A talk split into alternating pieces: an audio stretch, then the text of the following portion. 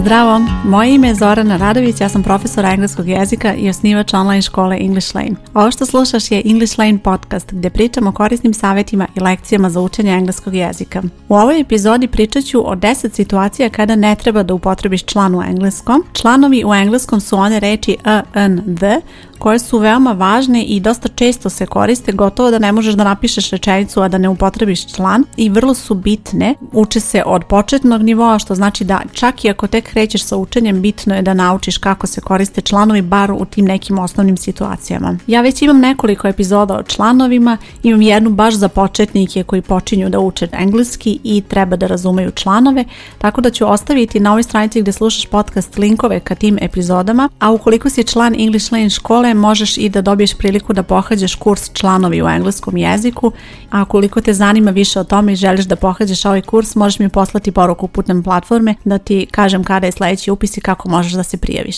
Pa da krenemo od prvog primjera, Prvi primjer je situacija kada koristiš izraz at work, u ovom izrazu se ne koristi član. Kada je u pitanju reč work koja može biti imenica, u nekim situacijama ćeš upotrebiti član, ali ova fraza at work je tipična po tome da se tada ne koristi član. Primjer glasim I'm at work, na poslu sam. I'm at work. U toj situaciji ne koristi član. Druga situacija su dani u nedelji. Dani u nedelji su pojmovi ispred kojih nećeš upotrebiti član. Evo i odmah jednog primjera u rečenici.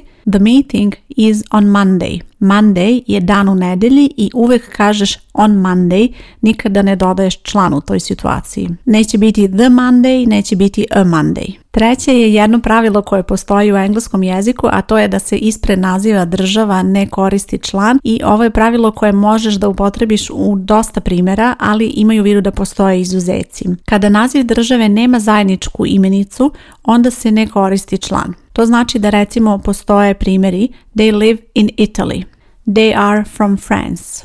We're traveling to Spain. Svi ti nazivi zemalja su bez zajedničke imenice u nazivu i zato se ne koristi član. To znači da je deo naziva tih zemalja samo ta vlastita imenica, odnosno sam taj naziv države. Međutim, kada naziv države ima u okviru naziva još neku reč, kao što recimo republic – ili recimo states kao što je the United States of America ili kingdom, the United Kingdom. To su izuzeci i bitno je da zapamtiš te primjere gdje se pojavljuje takva reč u nazivu zemlje da onda tada treba da upotrebiš član. Četvrta situacija kada ne treba da upotrebiš član u engleskom je ispred naziva jezika i to se koristi samo kada je upotrebljen naziv jezika bez reči language. Sada ću vam navesti primjer da razumeš o čemu pričam.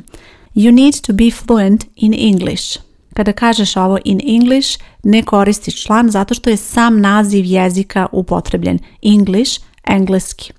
Međutim, ako upotrebiš reč language posle ovog English, onda moraš da upotrebiš član the. Tako bi rečenica glasila You need to be fluent in the English language.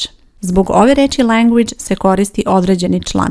Ako koristiš naziv jezika bez te reči language, onda ne dodaješ član. Peta situacija je izraz at home, kao i kada je u pitanju izraz at work i kod ovog izraza ne koristi se član, postoje neke situacije kada se koristi ispred reči home, u nekim situacijama možeš vidjeti član, ali ovaj izraz at home kada se neko nalazi kod kuće, onda je bez člana. She left documents at home. Where are they? They're at home. Šesti primjer su sportovi. Ispred sportova se uglavnom ne koristi član i ne samo sportova već i raznih tih nekih sportskih aktivnosti. Poslušaj sada primjere. They suggest doing yoga three times a week. Doing yoga. Nema člana. We love to go skiing in the winter. Go skiing. Opet nema člana. Sedmi primjer je da ukoliko imaš imenicu i broj posle te imenice, ne koristiš član i odmah ću navesti primjer da razumeš o čemu pričam. The plane is leaving from gate 11. Iako je ovo situacija gdje bi očekivala da upotrebiš član pošto je ova reč gate pa bi rekla the gate, pošto ima ovaj broj u toj situaciji postoji pravilo da se izostavlja član, odnosno da se tu ne koristi i zato će biti the plane is leaving from gate 11. Isto recimo ako opisuješ sliku i ako želiš da navedeš broj, ne koristiš član, pa recimo I can see a book in the picture, ako je samo reč picture upotrebljena kao imenica, a ukoliko postoji i broj posle toga, onda se izostavlja. I can see a book in picture number three. Osmi primjer su obroci. Ispred obroka se uglavnom ne koristi član. To znači da ako imaš reči breakfast, dinner, lunch, Ispred tih reći nećeš upotrebiti član i kažem uglavnom zato što postoje neki izuzeci koji za sada nisu bitni, ali generalno je pravilo da se ispred obroka ne koristi član, ni određeni ni neodređeni, dakle ni a e, ni d. They invited friends to dinner.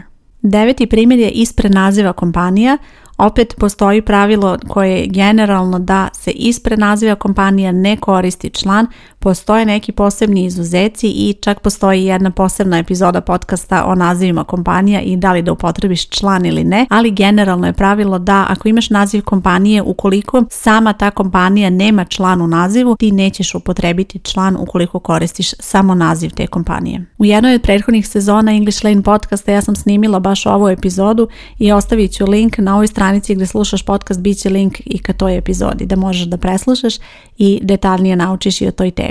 I deseti i posljednji izraz koji imamo kada je u pitanju situacija gdje ne treba da upotrebiš član je izraz on time.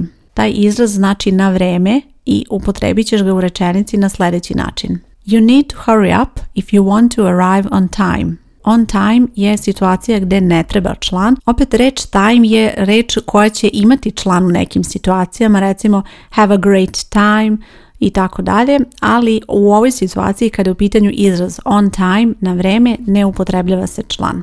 Ovih deset izraza svakako nisu jedini, ima još puno izraza kada su u pitanju članovi i situacije kada ne treba da se upotrebi član, odnosno kada se član izostavlja, ali ovi izrazi su nešto što će ti pomoći da za početak razumeš članove i da naučiš neka specifična pravila kada treba da izostaviš član. Naravno, ovo je tema o kojoj treba još puno pričati i vidjet ćeš kada učiš engleski jezik, članove ćeš učiti od početnog nivoa i dalje na srednjem nivou, pa čak i na naprednom. Dakle, nije tema koja se jednom kratko nauči i završi se sa tom temom, već je nešto što ćeš vremenom da nadograđuješ i nadam se da će ti ovi savjeti biti korisni da ona pravila koja već sada možda znaš primjeniš i ovo što si sada naučila iz ove epizode. U toku epizode sam pomenula kurs članovi u engleskom jeziku i e, činjenicu da je taj kurs dostupan u mojoj online školi. Škola se zove English Lane, u pitanju je online škola i ukoliko tebi ovo deluje kao način učenja koji će ti odgovarati i ukoliko želiš da učiš na online kursevima, predlažem predlažem da pogledaš više o školi, možeš potražiti English Lane online škola ili pogledaj na ovoj stranici gdje slušaš podcast, bit će negdje link ka školi tako da možeš saznati više informacija i kako možeš da se priključiš. Hvala ti što slušaš podcast, ja sam Zorana Radović i čujemo se uskoro. Ćao!